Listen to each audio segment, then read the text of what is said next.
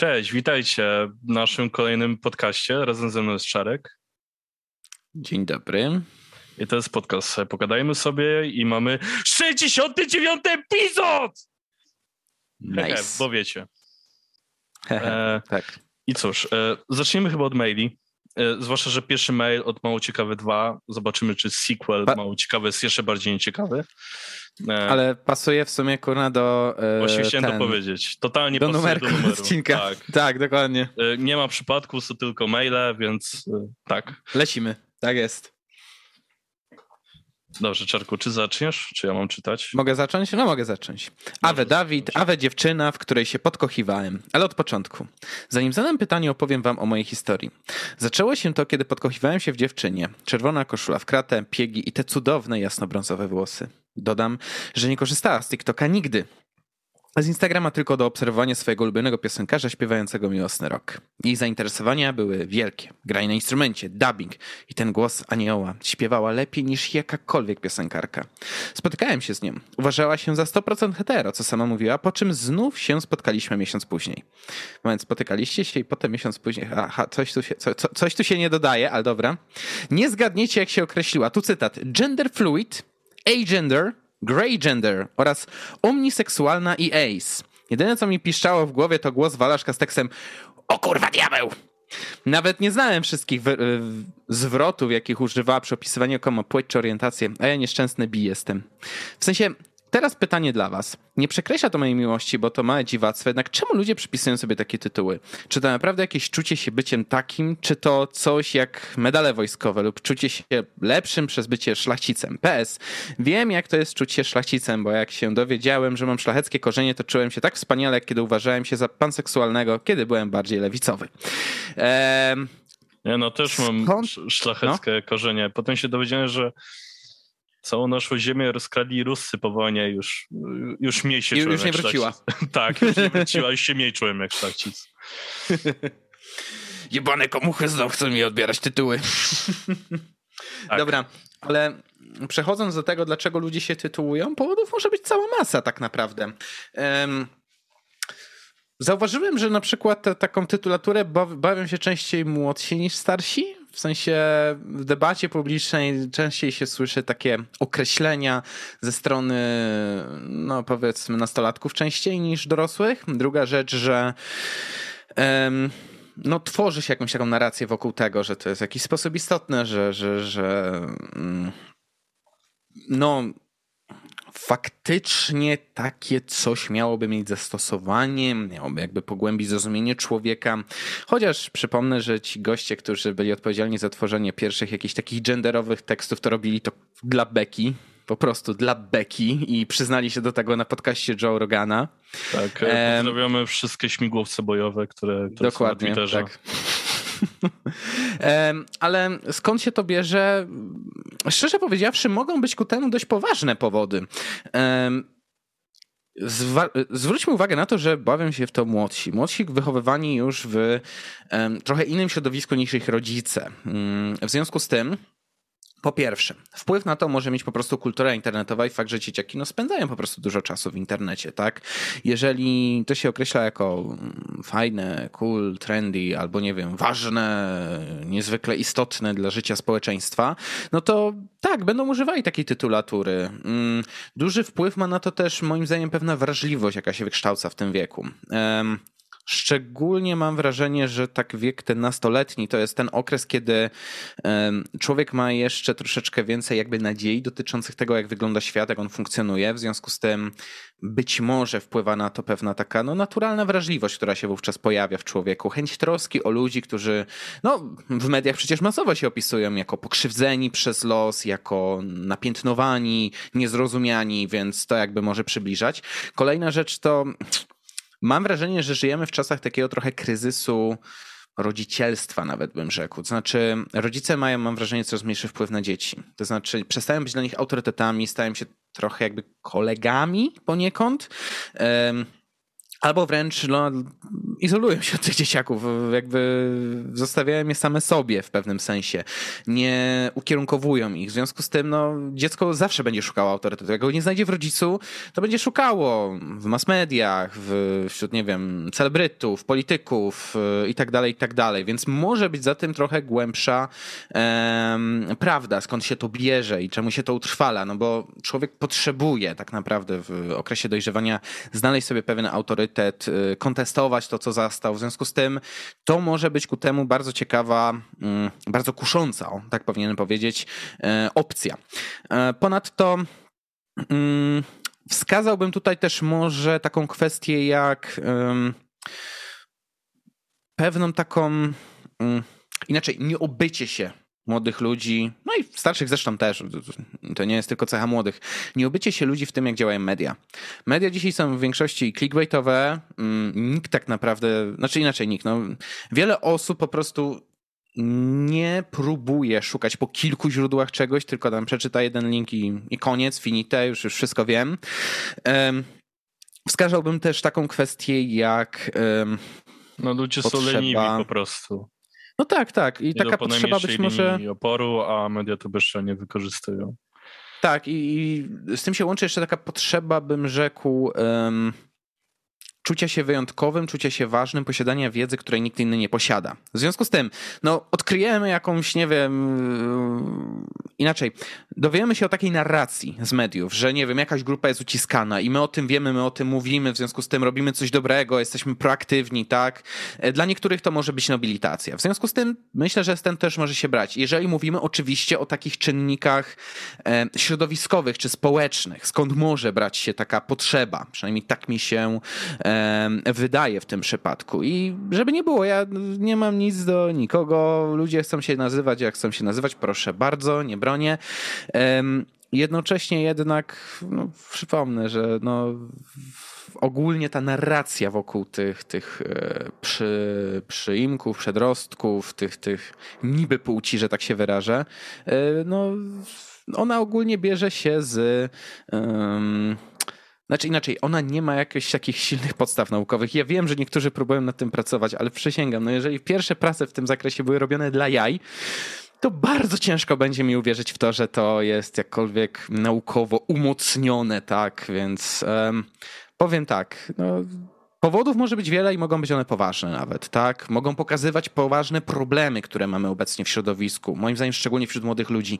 Natomiast yy, nie jest to coś, co mi przeszkadza, po prostu jak ktoś mi coś takiego gada, to mówię, no... XD. I tak, tak XD, no i idę sobie dalej. No, no, przepraszam bardzo, na lekcję biologii chodziłem. Nikt mi nie będzie tutaj wkręcał jakichś takich mm, gender fluidowych e, derdymałów. No bo, przepraszam bardzo, ja to uznaję za derdymały, e, które nie mają umocnienia w debacie naukowej. Co najwyżej próbuje się je przepychać, ale mówię, no, podstawy tego są dość chybotliwe. Um, A w ogóle zauważyłeś, no. że tutaj zostało użyte stwierdzenie, ale nie używa TikToka. Bo to się jakoś łączyło. Ale to jest nobilitacja. Dla mnie to jest nobilitacja jak najbardziej. W sensie... Ale nie, to brzmi mniej więcej tak. Nie używała TikToka, ale i tak się spierdoliła. o Jezu. A może to ten no. miłosny rok? Może to jest wszystko tego wina? Może i tak. Może i tak. No dobrze. Mm. Tak czy inaczej, no oczywiście można by o tym dyskutować. Ja wiem, że znajdą się tacy, którzy będą jakby wystosowali argumenty, że nie, że, że, że te, te takie nie mężczyzna, nie kobieta płcie jakby się skądś biorą, tak? Ale um, powiem tak, ja nie neguję orientacji seksualnych ludzi, że są różne. Oczywiście, że są. Ale w biologii z jakiegoś powodu określa się samce i samice w różnych gatunkach. Um, I próba zmienienia tego jest po prostu antynaukowa, mówiąc delikatnie, nie używając zbyt górnolotnych czy ciężkich słów. Jeszcze ci powiem, Dawidzie, taką jedną rzecz. Tak no. Y, schodząc na chwilę z tego wątku, przeskakując do takiej krótkiej dyskusji. Nie uważasz, że nasz sąsiad to po prostu kurwa planuje to wiercenie na moment, jak nagrywamy? Przysięgam, ostatnich kilka podcastów nagrywaliśmy w kilka różnych dni. Za każdym jebanym razem, akurat ten dzień nagrywamy, on wierci. Akurat. Tak. Ech, nie ma wczoraj, to jak. Wczoraj przez cały dzień był spokój, bo byłem tutaj. A dzisiaj? Tak. Dzisiaj kurwa, musimy kurwa nagrywać podcast i wiertareczka, dokładnie tak. Ale cóż, trzeba się przyzwyczaić. Byle naprzód i do przodu, jak to mówię. Nie, no i tak nie jest aż tak, że jak była pandemia, mieliśmy trzy remonty naraz przez trzy miesiące. To fakt. Nagrywanie briefów to było wówczas wyzwanie. Dobrze. Myślę, że możemy przejść do kolejnego pytania. Dawidzie, czy byłbyś tak miły? Oczywiście. Mamy tutaj tym razem mail od kreatywnego studia. Może tym razem będzie ciekawie. Jezu, ale ty jedziesz po nim, naprawdę, Dawid. Sorry, on cię no tylko on się, wyzywał. On, on, się sam tak nazwał, jakby... Wykorzystujesz to tylko. Oczywiście, bezczelnie. Ale dobrze, idąc dalej. E... Jebana wiertarka. E... Dobrze, czytam. Siema. Siema, witam pedo, to znaczy paleolibertarian. E, czy dziki, za, e, czy dziki Zachód był akapem? Tak. Ale dobrze, przeczytajmy tak. resztę maila. E, już tłumaczę. Dzikim Zachodem były tereny nowo włączone, które wymagały kolonizacji. Ponoć na prawdziwym Zachodzie typowe kowbojskie kapelusze nie a strzelanie i napadów na banki prawie nie było. Większość rzeczy była e, dziełami kina, ponieważ tylko trzy strzelaniny mogły być nazwane spektakularnymi. Do tego ludzie wjeżdżający e, do miasta mieli stawić broń u szeryfa, bo była zakazana dla odwiedzających. Wszyscy mieszkańcy miasta wybierali sobie policjanta, szeryfa, którego wybierali dobrowolnie do pilnowania porządku. Większość walki z, z przestępczością odwalali sami mieszkańcy, a bywały sytuacje, gdzie kobiety i dzieci strzelały do bandytów, jeśli tacy postanowili kraść. Prawie pełny wolny rynek oraz wolność przez brak prawa bez chaosu, e, które na nowych terenach dopiero raczkowało. A tak na mhm. koniec amerykańskie miasteczka na Dzikim Zachodzie zbudowała prostytucja. Prostytutki fundowały szpitale, szkoły, pomoc charytatywną oraz własne biznesy przez pchnięcie się po szczeblach kariery, czyli dzięki prostytutkom zawdzięczamy Amerykę. Żegnam Państwo, moja ciekawostka tutaj się kończy. Piękne było to ostatnie zdanie. Um, no cóż. Um, technicznie rzecz ujmując, słyszałem, że współczesny internet też jest fundowany przez pornografię. Tak więc, no. W przyrodzie nic nie ginie, że tak powiem. Natomiast um, aż się prosi tutaj o przytoczenie fragmentu takiego tekstu z Instytutu Misesa, mhm. e, Andersona Hilla, E, amerykańskie doświadczenie z anarchokapitalizmem Dziki Zachód nie tak bardzo dziki. Którym czytamy? To jest e, tekst z Journal of Libertarian Studies 79. Zwiększenie się roli rządu w ciągu ostatniego stulecia przyciągnęło uwagę wielu uczonych, którzy skupili się na wyjaśnieniu tego zjawisku i znalezieniu sposobów jego ograniczenia. W związku z tym w literaturze do, dotyczącej teorii wyboru publicznego gwałtownie wzrosło też zainteresowanie anarchią i jej implikacjami dla organizacji społeczeństwa. Przykładem niech będą prace Rawlsa i Noznika. Dwa tomy pod redakcją Gordona Tullocka zatytułowane zatytułowane Exploration in the Theory of Anarchy oraz książka Davida Friedmana The Machinery of Freedom. Cele owych opracowań były różnorodne. Od tworzenia ram pojęciowych charakterystyki porównawczej Lewiatana i jego skrajnego przeciwieństwa, aż do przedstawienia funkcjonowania społeczeństwa w stanie anarchii. Prawie wszystkie te prace mają jednak jeden wspólny aspekt. Badają teorię anarchii. Celem niniejszego artykułu jest przejście od, od, teoretycznego opisu świata anarchii do studium przypadku jej praktycznego zastosowania. Aby zrealizować to zadanie, mówimy najpierw, co rozumiemy przez termin, termin anarchokapitalizm, zaprezentujemy kilka hipotez dotyczących natury organizacji społecznej w takim ustroju. Hipotezy zostaną następnie sprawdzone w kontekście wcześniejszego okresu zasiedlania Dzikiego Zachodu. Przedstawimy analizę tworzenia ochrony praw własności oraz dobrowolne organizacje, takie jak prywatne agencje ochrony, straże obywatelskie, karawany, krytych wozów i wczesne osady górnicze. Chociaż pierwotny Dziki Zachód nie był całkowicie anarchistyczny, uważamy, że rząd jako legalna agencja przymusu był tam nieobecny przez dostatecznie długi okres, abyśmy mogli dokonać spostrzeżenia odnośnie funkcjonowania i żywotności praw własności w warunkach absencji formalnego państwa. Natura umów dotyczących dostarczania dóbr publicznych oraz ewolucja zachodnich praw podmiotowych w okresie 1830-1900 dostarczą danych dla niniejszego studium przypadku. Zachód owego okresu postrzegany jest często jako miejsce niezwykle chaotyczne, gdzie szacunek dla własności i życia był niewielki. Nasze badania wskazują, że to przekonanie jest błędne. Respektowano prawo własności i zachowywano porządek społeczny. Prywatne agencje zapewniają niezbędną podstawę do utrzymania e, organizowanego społeczeństwa, w którym chroniono własność i rozwiązywano konflikty. Owe agencje często nie mogły być uznawane za podmioty rządowe, ponieważ nie dysponowały e, prawnym monopolem na utrzymywanie porządku. Bardzo szybko odkryto, że działania zbrojne to kosztowny sposób rozstrzygania sporów, co przyczyniło się do wprowadzenia tańszych metod metod. Arbitraż, sądownictwo i tym podobne. Podsumowując niniejszy artykuł, przekonuje, że charakterystyka Dzikiego Zachodu jako miejsca chaotycznego jest błędna. Nie będę tutaj czytał całości, to jest tylko wstęp do tego tekstu. On jest na mm. kilka stron tak naprawdę rozpisany. Jednakże w ten sposób pragnę zachęcić osoby, które słuchają nas lub oglądają, do zapoznania się właśnie z tekstem Amerykańskie doświadczenie z anarchokapitalizmem Dziki Zachód, nie tak bardzo dziki, gdzie to jest bardzo, bardzo szczegółowo opisywane. Gdzie właśnie wyjaśnia się na przykład, że anarchokapitalizm to nie jest chaos, to jest system, który opiera się o prawa własności przede wszystkim, tak? Porządek społeczny musi być tam utrzymany, że prywatne agencje ochrony zapewniają to utrzymanie zamiast po prostu narzucanego monopolu państwowego. E, I że takie agencje szybko odkrywają, że działania zbrojne to no, dość kosztowny sposób rozwiązywania konfliktów, więc bardzo ważnym na Dzikim Zachodzie był arbitraż tak naprawdę. Ścigano tylko najbardziej takich dotkliwych przestępców, którzy odmawiali arbitrażu, no bo to było zwyczajnie kosztowne. Na przykład na Dzikim Zachodzie stworzono coś takiego jak yy, rolę łowców głów. No, to była pewna taka nowość. No, na pierwszych 13 koloniach raczej coś takiego nie funkcjonowało. Na Dzikim Zachodzie znajdowali tacy ludzie zatrudnienie. Dodatkowo jeszcze warto zauważyć, że samo pojęcie sprawiedliwości nie jest stałe i nie wystarczy samo jego odkrycie. Upodobania jednostek względem zasad, zgodnie z którymi chciałby żyć oraz ceny, jakie gotowe byłyby płacić za takie życie są różne. Z tego powodu w warunkach anarchokapitalizmu istniałaby znaczna odmienność reguł panujących w różnych społeczeństwach i to miało miejsce na Dzikim Zachodzie. W jednym miasteczku panowały takie zasady, w innym takie. Były jakieś tam powiedzmy uniwersalne zasady. Na przykład bardzo surowo karano koniokradztwo na Dzikim Zachodzie. No bo konie były niezwykle ważne do przeżycia tam, no. W związku z tym za to na przykład powszechnie była duża kara, ale w jednym miasteczku inna była kara na przykład za kradzież, a w drugim inna. W jednym zamknęli się na przykład do ciupy na x dni, a w innym, no, mogli nawet wieszać, jeżeli był problem z dostarczaniem pewnych zapasów. Um, no i cóż, tak naprawdę w Dzikim Zachodzie jest jeszcze jedna ciekawa rzecz. Tam mm. był mhm. problem z wyewoluowaniem dużych organizacji przestępczych, ponieważ w warunkach y, takich anarchokapitalistycznych nie ma dostatecznych korzyści skali, aby utrzymywać takie organizacje, bo walczysz tak naprawdę z kilkoma różnymi systemami w kilku różnych miejscach, co utrudnia jakby działalność organizacji przestępczych. To jest też rozwinięte w tym artykule i najważniejsza rzecz, w, na Dzikim Zachodzie panowała naturalna konkurencyjność pomiędzy organizacjami ochrony i ciałami rozstrzygającymi.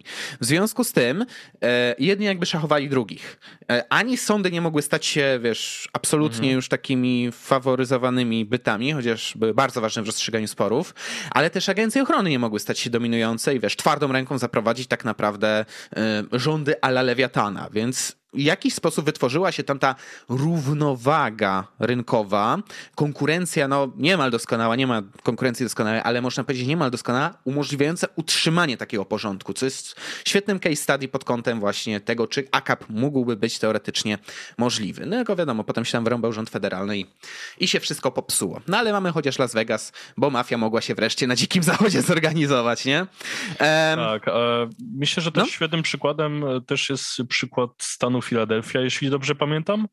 No by tak, dokładnie. to były ziemie należące do innej osoby, która, mówiąc delikatnie, miała trochę w dupie, co tam się dzieje i tam też się zaczęło wykształcać mm, jakby samodzielny AKAP i ludzie się tam całkowicie organizowali samodzielnie. Funkcjonował sobie tam handel, jakby coś ala jakieś pogotowie, policja mm, i wszystko oczywiście prywatnie. E, a później właściciel Filadelfii stwierdził, ej, chcę szybko zarobić pieniądze, sprzedam cały stan rządu federalnemu i, no i AKAP I chuj. Tak, chuj, no, dokładnie. Um, Więc jak widać, ja pozwól, że... może mhm. działać i ma to sens i to nie tylko w jakichś plemieniach 2000 lat temu albo więcej, e, tylko mamy mhm. też przykłady z jakby historii w miarę współczesnej, że tak to ujmę. Dokładnie. W sensie, moim zdaniem też to kino amerykańskie, które było wspomniane w mailu, tak, które mm. dramatyzowało to wszystko, jasne, że to zepsuło, bo w, sam, w, samym, w tym samym artykule, o którym mówię, możemy przeczytać takie zdania. Um, takie trzy case study przytoczę. Um, Niedawne, bardziej szczegółowe analizy ówcześnie panujących warunków każą nam wątpić zasadność e, powyższego stanowiska. Według Holona, autora książki Frontier Violence, Another Look, zachodnie pogranicze było miejscem o wiele bardziej cywilizowanym, pokojowym, bezpiecznym niż dzisiejsze społeczeństwo amerykańskie. Społeczeństwo amerykańskie tworzyć muszę, bo się uduszę. Dobra, do, koniec żartu. Legenda bardzo dzikiego zachodu żyje nadal, mimo odkrycia Roberta Dykstry, że w pięciu głównych miastach, w których hodowano bydło, a więc Albin, Ellsworth, Wichita, Dodge City i Caldwell, w latach 70 1870-1885 odnotowano jedynie 45 zabójstw, to jest średnio 1,5 na jeden sezon handlowy. W e, rzekomo jednym z najdzikszych miast hodowli bydła, nie zabito nikogo w 69 ani w 70. W rzeczywistości nie zabito nikogo do czasu pojawienia się funkcjonariuszy rządowych zatrudnionych do zapobiegania zabójstwom. Jedynie dwa miasta, Ellsworth i Dodge City w 73 i 76 doświadczyły pięciu zabójstw w ciągu jednego roku. Frank Purcell pisze w swojej książce A Legacy of Law and Order, jeśli można wyciągnąć jakiś wniosek z ostatnich y, statystyk dotyczących przestępczości, taki, że pogranicze w porównaniu z innymi częściami kraju nie pozostawiło po sobie żadnego znaczącego dziedzictwa w postaci przestępstw przeciwko osobom. Co więcej, nawet jeśli skala przestępczości była wyższa, należy pamiętać, że preferencje względem porządku mogą zmieniać się w czasie, być odmienne w różnych społecznościach, o czym już mówiłem. Pokazywanie, że Zachód cechował większe bezprawie niż nasze obecne społeczeństwo mówi nam niewiele, o ile nie dysponujemy jakąś mierą popytu na prawo i porządek. Chociaż może się wydawać, że funkcjonowanie społeczeństwa pograniczne odbywało się z wielokrotnym naruszeniem formalnych praw, wynikało to bardziej z polegania na lokalnych zwyczajach stanowiących stojących w sprzeczności z powierzchownymi i niekiedy obcymi standardami, narzuconymi oczywiście z góry. E, w związku z tym, w związku z tym właśnie w wielu miasteczkach tworzono straże obywatelskie, nie? Mhm. E, I to był doskonały przykład takiej sprzeczności. Straże bowiem często związano już po zorganizowaniu się lokalnego rządu tak? Dowodziło one, że konkurencja się sprawdza, gdyż rząd jest nieskuteczny w pewnych sprawach i musi powstać agencja ochrony. Czytaj właśnie te e, właśnie te straże obywatelskie, straże obywatelskie dokładnie.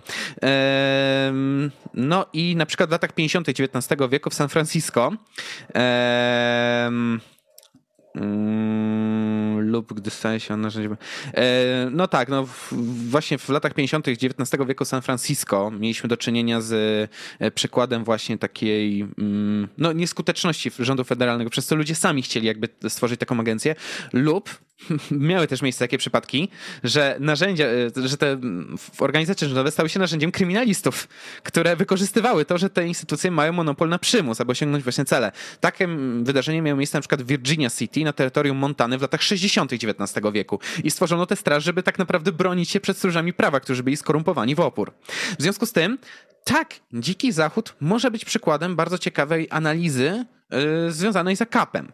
Yy, jeśli chodzi o ten artykuł, o którym tutaj mówię, no to on ma ładnych parę stron, 30. Polecam sobie mm -hmm. po prostu doczytać, ale no krótko rzecz ujmując, tak, Dziki Zachód był jak najbardziej akapowy i jest to system, rzekłbym, z którego, co do którego moglibyśmy e, powiedzieć, że był też przykładem takiego systemu akapowego, który jakby no, radził sobie z Lewiatanem, że tak się wyrażę.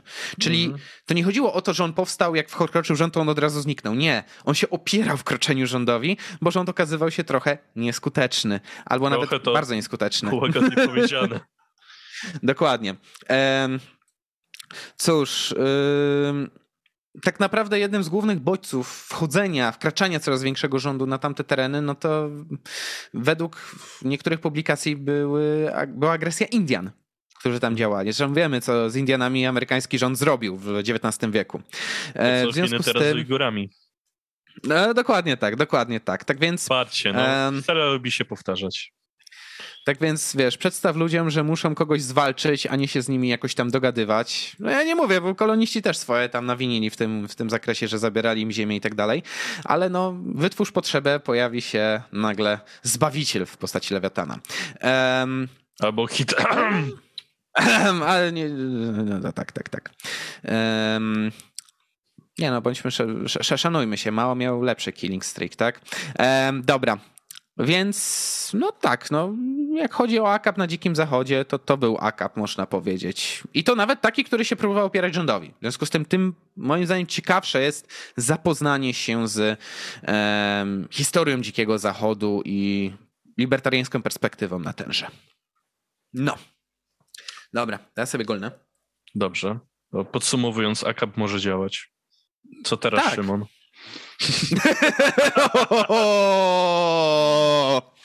Ależ ty żeś wyczekał na ten moment. Dobra, to może przejdźmy sobie do jakiegoś kolejnego maila. Dobrze. E, to mam czytać, rozumiem. Dobrze. Mamy mail Dawaj. od Piryta. E, Awe Snorlax, Awe Golem. Kurwa, który jest który? Dobra, jestem pewnie Snorlax. Dobra, może być. Ja nieraz mówię na podcaście, że wkurwiłeś golema. To ja jestem golem. Dobrze. Dobrze, nie przedłużając. Czy weganizm jest przejawem szowinizmu? Zaczyna się ciekawie. Weganizm uznaje y, za wyrządzenie krzywdy zwierzętom, bo przez zjadanie ich jest obiektywnie złe, bo cierpią. Nie spełniają swoich potrzeb i tak tak. Ale alternatywą nie jest fotosynteza, tylko zabijanie innego żywego organizmu, jakim są rośliny, co jest objawem szowinizmu na tle między królestwami organizmów. Wjeżdżamy grubo. Czemu zabicie rośliny jest lepsze od zabicia zwierzęcia? Stawianie wyżej cierpienia zwierząt nad cierpieniem roślin jest szowinizmem w czystej postaci i stawianie własnego królestwa ponad wszelkie inne, tylko dlatego, że to są ci nasi, w sensie możemy zrozumieć ich cierpienie emocji, możemy z nimi empatyzować, dlatego że nasz rozwój ewolucyjny był bardzo podobny i wykształciliśmy takie same mechanizmy, aparaty, układy narządów zachowania, e, więc subiektywnie bardziej z nimi sympatyzujemy, a rośliny, rośliny uważamy za mniej rozwinięte i gorsze, podczas gdy to nieprawda. Tak samo gorsze są kurwa wiertarki. Rośliny wytworzyły systemy równie skomplikowane co zwierzęta, mają złożone życie osobiczne i rodzinne, systemy zachowań i, i, tym podobne. Oto kilka przykładów. Rośliny są wspólnotowe, gdy jedna z nich jest atakowana przez robala czy innego szkodnika, na przykład weganina, wysyła... ja pierdzielę. Szanuję. Wysyła... jedzie ostro wysyła w powietrze specjalne hitohormony, które są odbierane przez inne rośliny i dzięki temu są przygotowane na zbliżające się zagrożenie. Rośliny kilkaset milionów lat temu kształciły internet, czyli system powiązań między korzeniami przy użyciu grzybów i innych pierwotniaków, które umożliwiają im komunikację i handel na wolnym rynku substancjami odżywczymi. Co więcej, udowodniono, że organizmy pokrewne wymieniają się częściej niż niespokrewnione, a drzewo, które wie, że umrze, przesyła jak najwięcej składników swoim krewnym. Podsumowując, prawdziwy egalitaryzm turysta zjada stejka razem z sałatką oraz popija piwkiem. Liczę na ciekawą rozkminę. Myślałem, że napiszę coś w stylu prawdziwy egalitarysta po prostu się wiesza. I nie krzywdzi nikogo. Ej. Chce, chce, chcesz dobrze do planety? Zabij się. Te jesieni. e, znaczy, wow. Może tak. E, ja lubię podchodzić do środowiska naturalnego, do bytujących tam istot, czytaj i roślin, i zwierząt, jako do przestrzeni wyjątkowo brutalnej, rządzącej się prawem silniejszego. W związku z tym. Um, może stąd, że ja postrzegam naturę jako tak brutalne miejsce, e, i jako taką przestrzeń, w której nie debatujemy, tylko się napierdalamy o to, kto będzie dominował. Być może dlatego nie jestem mm, wegetarianinem czy weganinem z powodów moralnych. Nie mówię, że nie ma ku temu argumentów i nie mówię, że ludzie, którzy uważają się właśnie za moralnie czystszych ze względu na to, że no właśnie zostałem wegetarianinami, weganami są gorsi czy cokolwiek. Jakby totalnie rozumiem ich argumenty, tylko sam po prostu trochę może inaczej postrzegam środowisko naturalne. No i dobra, jestem wygodnickim grubasem, który żyje w XXI wieku. No, no pozwólcie mi się tym nacieszyć. Weganie bardzo często stosują takie argumenty, że oczywiście tam rośliny też cierpią, etc., etc., e, ale no, nie wiem, przemysłowa hodowla zwierząt, etc., i tak dalej, to e, generuje e, dużo więcej zużycia wody, jakichś tam środków do tego, więcej ziemi. Mhm. E, I ja by stawiałem to jako argument, że już lepiej być weganinem, bo przynajmniej część istot jakby mniej cierpi z tego powodu, tak? I mniej zatruwamy planetę mhm. i tak dalej. Co nie zmienia faktu, że wolę jeść mięso, pozdrawiam. Znaczy, jakby rozumiem te argumenty i prawdopodobnie takich ludzi będę stał niżej moralnie. Um, może to jest też kwestia tego, że nie wiem, no Wychowałem się po prostu na wsi. Mordowałem zwierzęta własnymi ręcoma i jakby nie jest to dla mnie jakiś taki arcyprzerażający widok, w sensie ja nie mordowałem, znormalizowanego. Ale, ale mój dziadek był masażem, więc e, kiełbasa była zajebista za każdym jebanym razem.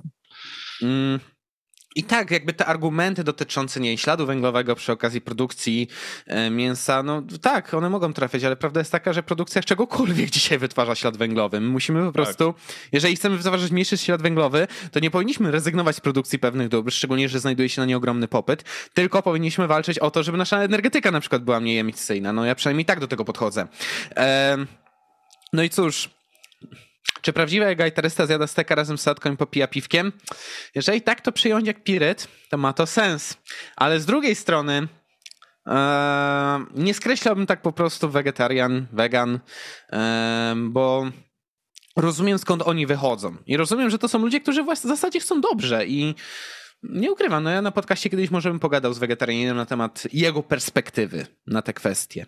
Natomiast przyznam, że no, tak ciekawie połączonych argumentów to szanuję za zdolności tak krasomówcze, jak i erystyczne w tym przypadku. Tak, i, i chwila, jeszcze było drugie pytanie. Mhm. Czy cieszycie się z powrotu Tomka Wróblewskiego na YouTube'a? Czy oglądaliście no już odcinek e, o globalnym ociepleniu? Jeśli tak, to co o nim sądzicie? E, ogółem się cieszę, choć słyszałem, że ten odcinek o globalnym ociepleniu to no, tak trochę fopa. Lekko. Mówiąc łagodnie. Znaczy, powiem tak. Yy, czekaj, wejdę sobie tylko na kanał Wej. Muszę sobie przypomnieć, jak się dokładnie nazywał ten odcinek. No, hmm. chyba po prostu się nazywa globalne ocieplenie albo coś, coś ten desen. Ale nie, nie, mi chodzi o trochę inny. Czekaj, czekaj, muszę tylko okay. zweryfikować, czy ja nie spieprzę tutaj. Mm. Hmm, hmm, hmm. Mm, mm, mm, mm, mm. Na przykład materiał dotyczący, tak, komu zależy na tym, żebyśmy się bali. A więc materiał o tym, jak pandemia zmieniła świat, to, mm. to mi się w opór podobało. Natomiast e, ekonomiczna prawda wojny o klimat, bo to tak się nazywał ten, mm, ten, ten materiał. No, powiem tak. Y, on jakby przyjął tam taką perspektywę bardziej polityczną, w sensie jakby bardziej patrzył na interes ekonomiczny i polityczny w perspektywie walki o klimat i okay. jakby rozumiem skąd się wzięły te argumenty. E, natomiast, natomiast, natomiast mm, wciąż no mm, ja osobiście do tego tak podchodzę, że ratowanie klimatu może się odbywać przez mechanizmy wolnego rynku, ale mm, jeśli. Czekaj, żebym teraz to dobrze ubrał w słowa. Jeśli wolny rynek jest krępowany przez interesy ponadnarodowe albo przez interesy korporacji, które są w rękach y, de facto rządów, tak, czyli są strategicznymi mm, firmami mm, konkretnych nacji, no to e, wówczas, wówczas, wówczas mm, problem jest taki, że ekologii robi się taką trochę wydmuszkę. No, taką trochę ideologię, no. Poniekąd może, w sensie, mm, no bo tak. Znaczy, no bardzo bezczelnie się wykorzystuje ekologię, no bo nie oszukujmy się, duży koncern mm -hmm. samochodowy dużo szybciej będzie w stanie przyłączyć się na nie wiem, niskoemisyjną produkcję i generalnie zawrzeć jakieś środki, żeby mniej produkować tego śladu węglowego, a tymczasem ich e, potencjalna konkurencja, no co zrobi? No chuja za przeproszeniem zrobi. No wyjątkiem jest chyba Tesla, która tak trochę całkiem bokiem weszła w rynek samochodowy i nagle się okazało, że ej, jednak auta elektryczne są przyszłością e, świata i nagle Tesla sprawiła, że Musk jest w tej chwili najbogatszym człowiekiem świata, ma podczas ponad 300 miliardów majątku, mm, więc mhm. nice, e, tak? E, I myślę, że tutaj głównie po tym kątem politycznie jest problem, że wiele państw, wiele korporacji wie, że to, co oni będą mogli zrobić, nawet jeśli na nich się nałoży jakieś, nie wiem, ograniczenia embarga, to ich konkurencja, e, jeśli nie jest wielkim monochem, tego prawdopodobnie nie zrobi i to też jakby spowoduje pewne ograniczenia rynkowe, ale prawda też jest taka, że jest wiele firm, które działa na rzecz jakby poprawy środowiska, nie są aż tak bardzo znane. Ja o jednej na przykład usłyszałem oglądając Galileo w domu, e, mhm. a są to firmy, które też się nie całkiem sporo inwestuje, ale medialnie nie jest jakoś totalnie o nich głośno tak naprawdę.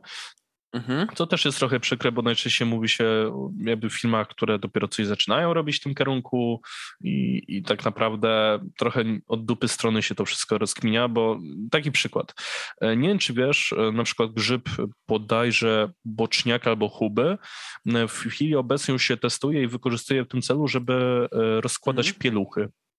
O, Proszę I okazuje bardzo. się, że ten grzyb świetnie sobie z tym radzi i jakby jedyne, co pozostaje mhm. po tej kupie pieluch, to jest grzyb który o dziwo mhm. można nawet normalnie zjeść, bo on jest jadalny. E, I, bon appetit.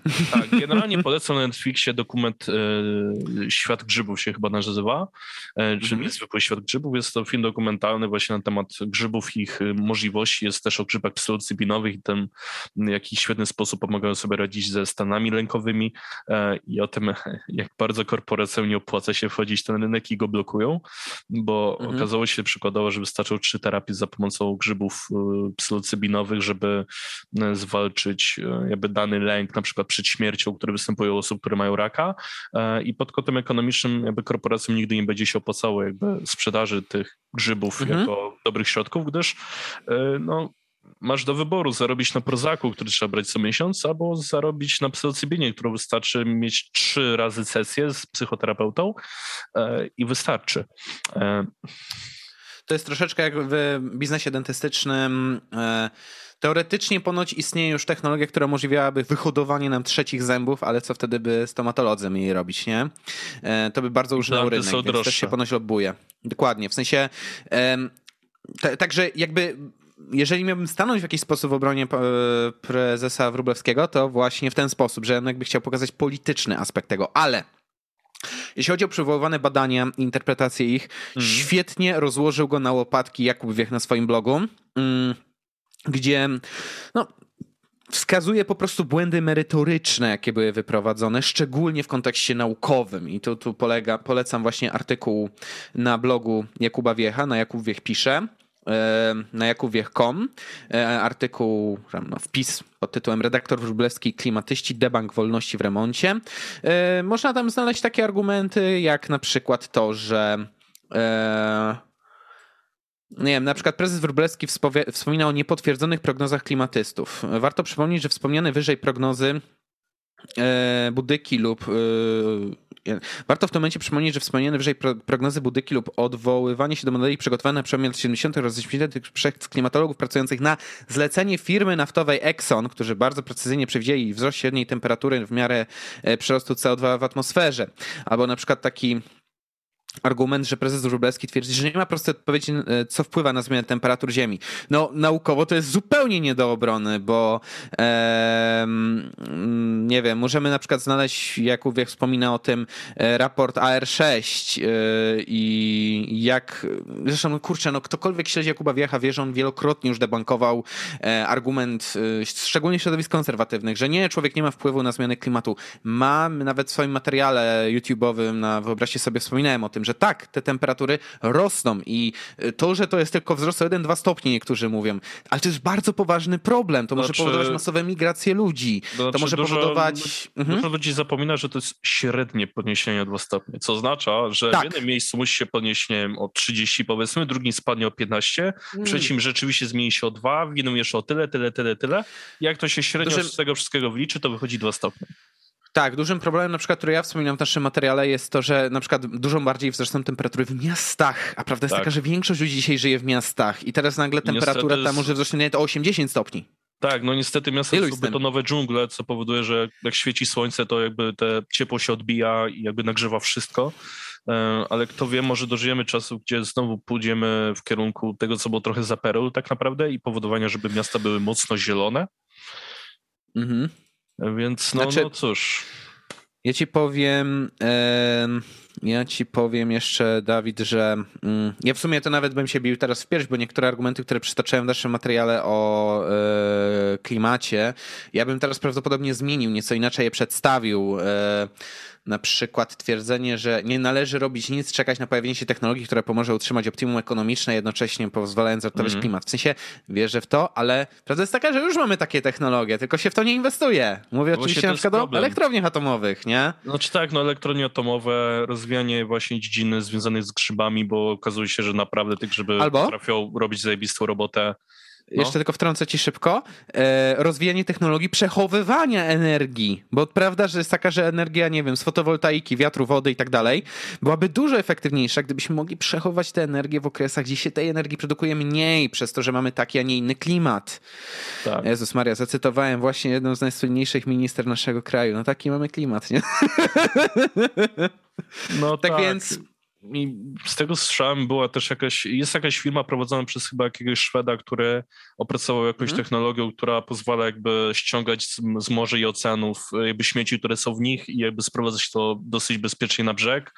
E, Kiedyś nawet Niemczech... na jednej prezentacji na studiach o tym pisałem, wiem o czym mówisz, no. Tak, tak. Jest chyba jeszcze jakaś firma w Niemczech, która stara się jakby zużyte butelki, generalnie odpady przetwarzać w jakieś rzeczy takiej użyteczności artystyczno-użytkowej, typu jakieś krzesło, E, czy jakieś instalacje artystyczne, które mogą po prostu ładnie wyglądać, a jednocześnie jakby te śmieci i tak stoją i będą się zużywały przez następne tysiąc lat, więc sobie niech to sobie stoi, a nie zaśmieca e, okolice, czy jakieś wyspiska śmieci.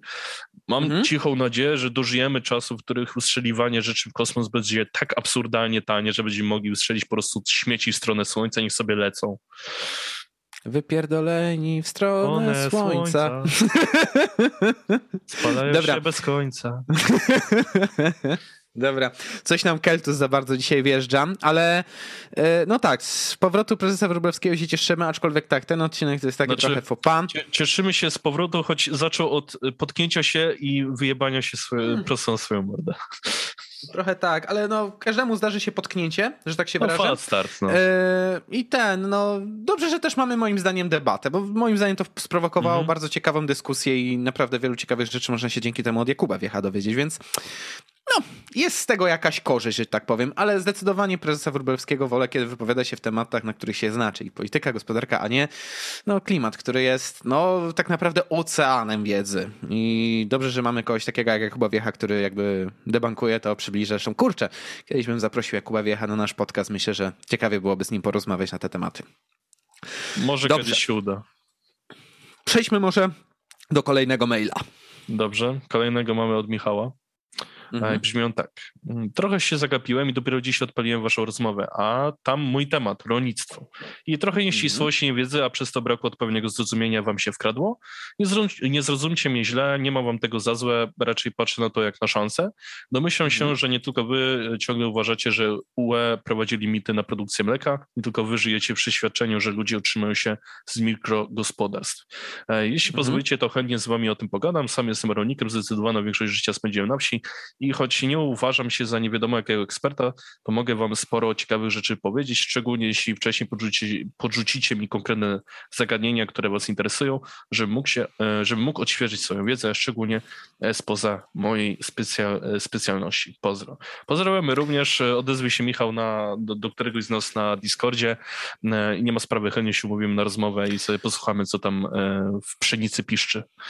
Dokładnie tak. W sensie, żeby też nie było, ja rozumiem, że można było też takie wrażenie odebrać i to nie jest jakby obszar mojej totalnej ekspertyzy, jednakże... Mm, Powoływałem się po prostu w moich wypowiedziach na temat rolnictwa na wiedzę, która dotyczyła no, perspektywy ekonomicznej, no czego się spodziewacie po ekonomiście i rozdrobnienie gospodarstw, czy fakt, że, bo wiem o co chodzi z tym mlekiem, żeby nie było na jednych zajęciach, nawet analizowaliśmy jak się zmieniła, e, zmieniała polityka Unii Europejskiej dotyczącej mleka, jak bardzo na przykład Unia czerpała z mm, rozwiązań amerykańskich w tym zakresie, bo to Amerykanie wprowadzili coś takiego jak future contracts na mleko, i jakby wprowadzili coś na zasadzie takiego systemu ubezpieczeń od spadków cen mleka, że jak się umówimy na na przykład trochę niższą kwotę, ale na przyszłość, no to gwarantujemy ci taką cenę w skupie. Tylko musisz się wcześniej umówić, jakby ubezpieczenie w pewnym sensie wykupić poprzez obniżenie tej ceny na przykład, tak? Więc e, jak najbardziej, ja też chętnie bym tę wiedzę odświeżył. Michale, jakby bardzo nam miło, że mm, jesteś chętny do rozmowy. I jak najbardziej, po prostu zapraszamy na naszego Discorda, napisz do któregoś z nas i jak będzie jakiś możliwy termin, to z, z pewną e, no nawet ciekawością i chęcią byśmy przygotowali taką rozmowę ustalili, o czym pogadamy sobie, e, no bo tego jest w końcu ten podcast i jak najbardziej chętnie się coś na ten temat dowiemy. Zresztą kurczę, tak teraz myślę, Zaprosiłbym już na podcast Wegetarianina. Zaprosimy rolnika, który nam o tym troszeczkę poopowiada. Jakuba Wiecha jeszcze chcę zaprosić. No, no naprawdę, brakuje, żeby zaprosić tylko, yy, nie wiem, yy, twórców podcastu Myśl Zbrodnia. O, to by było grube. O boj. Także, także wszystko jeszcze przed nami, że tak się wyrażę. Ale Michale jak najbardziej. A, jeszcze Mencen. Jak nam zaoferuje piwo, to go wezmę. Dobra. Ehm, no to cóż, Czyli no chcesz to... za cenę dostać zasięgi i jeszcze piwo za darmo. Och, tyle No oczywiście, kurna, no człowieku. No... Tak działa kapitalizm, tak działa wolny rynek. Dwóch youtuberów znalazło jeden prosty sposób na darmowe piwo od Mencena. Zobacz jak. Dokładnie tak. No dobrze. To w takim razie możemy przejść do ostatniego już maila od Patryka Kality. No może ja go przytoczę. Mhm. Czołem. Dwa pytania. Pierwsze. Przeglądając ostatnio fora growe, natrafiłem na dyskusję o inflacji waluty, oparte, waluty opartej, czy wręcz bitej z kruszców szlachetnych, na przykład złota. Jednak nic ciekawego tam nie ustali, więc pytam się was, jak wygląda inflacja pieniądza opartego przykładowo o złoto, jeżeli w ogóle zachodzi? Ehm, drugie. Jak obstawiacie, jak, wybuch, jak wielka burda wybuchnie 11 w Wawie? PS, spójrzcie na załącznik, jest w załączniku. No, też coś, znowu Jakuba Wiecha przytoczymy, bo tak, tak. Jakub Wiech założył się z kimś, że nie wstawi artykułu, w którym głównym zdjęciem będzie zdjęcie, znaczy no screen tak naprawdę z Heroesów. z Heroesów. I tak, zrobił to. Węglowa nekromancja, czyli o pozornym ożywieniu energetyki na węgiel. Panie Jakubie, szanuję. Szanuję, tak trzeba żyć. Dokładnie. Ale mm, przejdźmy do pytań. Pierwsze, czy istnieje coś takiego jak inflacja złota? Hipotetycznie mogłoby istnieć, ale przez bardzo ograniczoną podaż złota, czyli no, ograniczoną przez fakt tego, że fizycznie ilość. występuje go niewiele. E, rzadko to występuje. Raczej przy okazji złota mówimy o deflacji związanej ze złotem. No chyba, że nie wiem, zacznie się gdzieś gorączka złota, znajdziemy ogromne złoża, zaczniemy to wydobywać na potęgę, no to wtedy może teoretycznie nastąpić inflacja waluty opartej o złoto. Mieliśmy coś takiego przy gorączce złota na przykład w USA. Faktycznie mieliśmy chwilową inflację.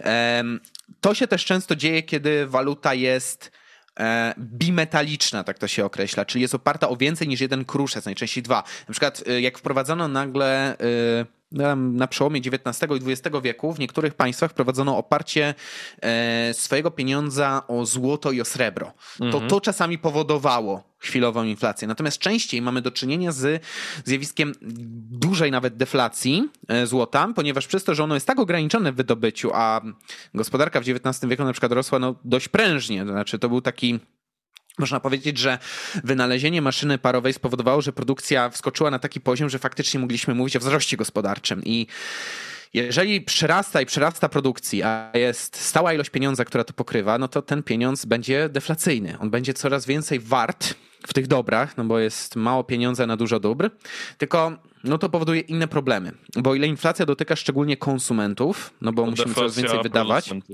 Dokładnie, bo producent wyprodukuje za X, a już sprzeda na przykład przez to, że waluta deflacjuje za, nie wiem, 0,8X że tak to już w modelu ekonomicznym ujmę, tak? W mhm. związku z tym dużo częściej mieliśmy do czynienia z szokami deflacyjnymi przy okazji złota i o tym zachęcałbym sobie e, poczytać. A taka inflacja może zachodzić, ale mówię, przez to, że kruszce są bardzo ograniczone i nie jesteśmy ich w stanie dodrukowywać, bardzo, bardzo rzadko występuje taka inflacja. Muszę gdzieś wystąpić, nie wiem, odkrycie nagle jakichś wielkich złóż, yy, jakiegoś kruszca, o które opieramy walutę. No to wtedy coś tam może się wydarzyć. A drugie, jaka burda będzie 11 w Wawie? No, ja uważam, będzie sroga. Ja uważam, że będzie normalnie Squid Game in real, nie? Albo jakiś Battle Royale się odpali. Uważam, znaczy... że będzie grubo fuj. Znaczy już teraz narastają napięcia, bo prezydent Oczywiście. Warszawy, znaczy prezydent Warszawy przede wszystkim już nakręca tę imbę od, od samego początku, bo um, zgadza się na kupę marszy po drodze, na marsz w obronie tam, nie wiem, na, na, Matko Jedyna, co to był ostatnio za marsz, który on się zgodził? Chyba w obronie tam konstytucji czy czegoś, już nie pamiętam, cholera. Generalnie no, zgodził się na mnóstwo marszy, które mają przyblokować Marsz Narodowcy i spowodować, że oni legalnie nie będą mogli nie, nie. przejść. Nie, chodzi, że niedawno jeszcze były przecież marsze i protesty na ulicach Warszawy, tam, tam mm. związane z ostatnimi wydarzeniami, tylko teraz oczywiście mi zaćmił się mózg. Ale jednocześnie na 11 nie wyraża, co jest ewidentnie decyzją polityczną, znaczy, tylko tak no, naprawdę nakręca wszystkich. Nie, wiesz co, nawet nie chodzi o to, że nie wyraża. On nawet nie mm. może wyrazić, ponieważ jest zarejestrowany jakiś inny marsz, który przebiega dokładnie tą samą trasą. A, i... I w efekcie on nie może się zgodzić na Marsz Niepodległości, bo już blokuje inny w pełni jakby zatwierdzony marsz. Przypadek, że on go zatwierdził wcześniej? Oczywiście, no nie że nie przypadek, oczywiście, że nie, ale no mówię, moim zdaniem to będzie sroga imba, jakby bitwa pod Empikiem, To była tylko bitwa. Teraz coś czuję, że będzie wojna. Znaczy, ja uważam, że tak naprawdę przez to, jakie rozgrywki polityczne wokół tego się dzieją, no nakręcają się obie strony, bo tak. Mam wrażenie, że w, ostatni, w ostatnim czasie ten marsz niepodległości jest coraz bardziej i bardziej taki agresywny. Zresztą nie wiem, czy pamiętasz, podpalenie mieszkania podczas tak, Marszu no, Niepodległości. Właśnie to się działo w nie? trakcie bitwy pod Empikiem, no. No, przed nawet, nie? Czym, Tak, czym, tak, to już nie no. pamiętam. E, tak czy inaczej, w ramach tego samego marszu, tak? I nie dziwota, że oni się nakręcają, skoro tak otwarcie na nie jest prezydent miasta stołecznego Warszawa. W związku z tym. Mm, w związku z tym, no, no będzie na bank burda, bo nie odpuści środowisko narodowe, bo zbyt Oczywiście. wielu ludzi chce iść na ten marsz. To jest moim zdaniem ogromny Znaczy- sukces środowiska narodowego w naszym kraju, że faktycznie tylu ludzi jest chętna, by na taki marsz Znaczy, z tego co pamiętam, rok w rok, o coś w okolicach chyba 100 tysięcy ludzi przychodziło tym marszem, więc jakby Tak, powiedzmy, że niech nawet te 20 tysięcy ludzi, którzy robiło burdy co rok, niech się znajdzie. Nie wiem tam ile, ile ich było zawsze dokładnie, ale przy, Nie, nie, przyjmijmy, nie że trzeba to było 20 20%. tysięcy. Ale to nawet mniej. Wystarczy Ale- 5%. Oczywiście, że wystarczy mniej, ale powiedzmy, że Mhm. nawet te 20% tych, którzy No okej. byli, przyjdą i zaczną robić jakieś rozmowy, będzie totalny rozpierdol. No tak, no szczególnie jeżeli jeszcze policję wystawią przeciwko temu marszowi, bo No technicznie mówię, no będzie, będzie właśnie nielegalny. Games, no.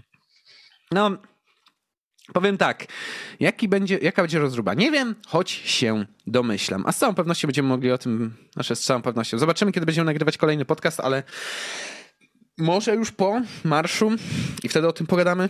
Można Zobaczymy. najbardziej. No, Jeszcze jak? Ja się zastanawiam, czy na ten dzień kupić sobie popcornu Nikoli, nie ironicznie.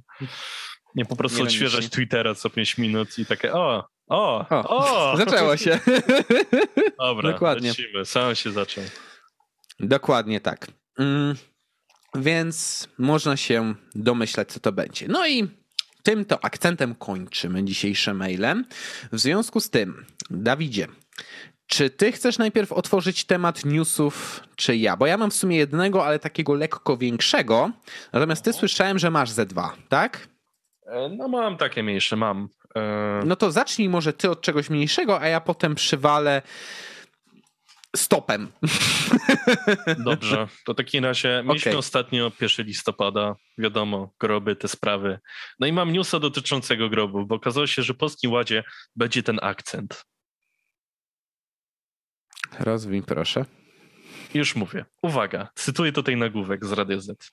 Rząd chce pozbawić Polaków prawa do posiadania nagrobków. Jest już projekt ustawy. Wait. Ja, Tak, jak jak na grob? Przygoto- Przygotowanym przez rząd projekcie ustawy o pochówku, cmentarzach i nagrobkach znalazł się przepis, według którego pomniki wznoszone na kwaterach będą własnością cmentarza, a nie osób je stawiających. Mówiąc krótko, E, groby już nie będą nasze. jebane komuchy chcą mi odebrać śmierć. Tak. Znaczy, jakby, well, Znaczy, może to, co powiem, jest kontrowersyjne, ale i tak to powiem. A to, znaczy, dobra, tak naprawdę. E, u mnie w rodzinie mhm, jest takie przeświadczenie, mhm. że grób to trochę marnotrawstwo miejsca. można się skremować, znaczy można oddać organy, się skremować i, i, i jakby elo, tak? Natomiast mm, ten ruch jest prawdopodobnie podyktowany kwestiami, zgaduję, podatkowymi, dochodowymi, coś takiego. Albo no, kwestią kontrolowania nas nawet po śmierci. Oni już się przed niczym nie zatrzymają, nie? Znaczy, no tak, no jakby generalnie w ustawie o Polskim Ładzie właśnie znalazła się dodatkowa ustawa o pochówkach i funkcjonowaniu cmentarzy i właśnie rząd tam zawarł przepis, według którego właśnie Polacy już nie będą właścicielami stawianymi przez siebie nagrobków i pomników, Yy, więc będą one należeć do cmentarzy, na przykład w przypadku mojego miasta jeden cmentarz jest kościelny, czyli należy do kościoła, e, oczywiście ludzie jakby kupują tam miejsca na nagrobki, etc., a drugi jest komunalny, czyli typowo miejski, więc teraz będzie tu Mhm. czysto miejskie. Nie nie wiem, w jaki sposób teraz jakby ktokolwiek chce rozwiązać kwestię tego, że ktoś płaci za postawienie tego nagrobka, a jednocześnie to nie jest jego, jakby są trochę dwie rzeczy, które się ze sobą gryzą, ale, ale okej. I uwaga, uwaga, Zgodnie z projektem, który od 30 do 30 października 2021 roku znajdował się w konsultacjach, powstać ma Centralny Rejestr Grobów i Miejsc Spoczynku, Rejestr Cmentarzy, Elektroniczna Karta Zgonu oraz Elektroniczne Księgi Cmentarne. Jednocześnie jednak pojawi się zapis, który pozbawia Polaków prawa własności w stosunku do nagrobków i pomników.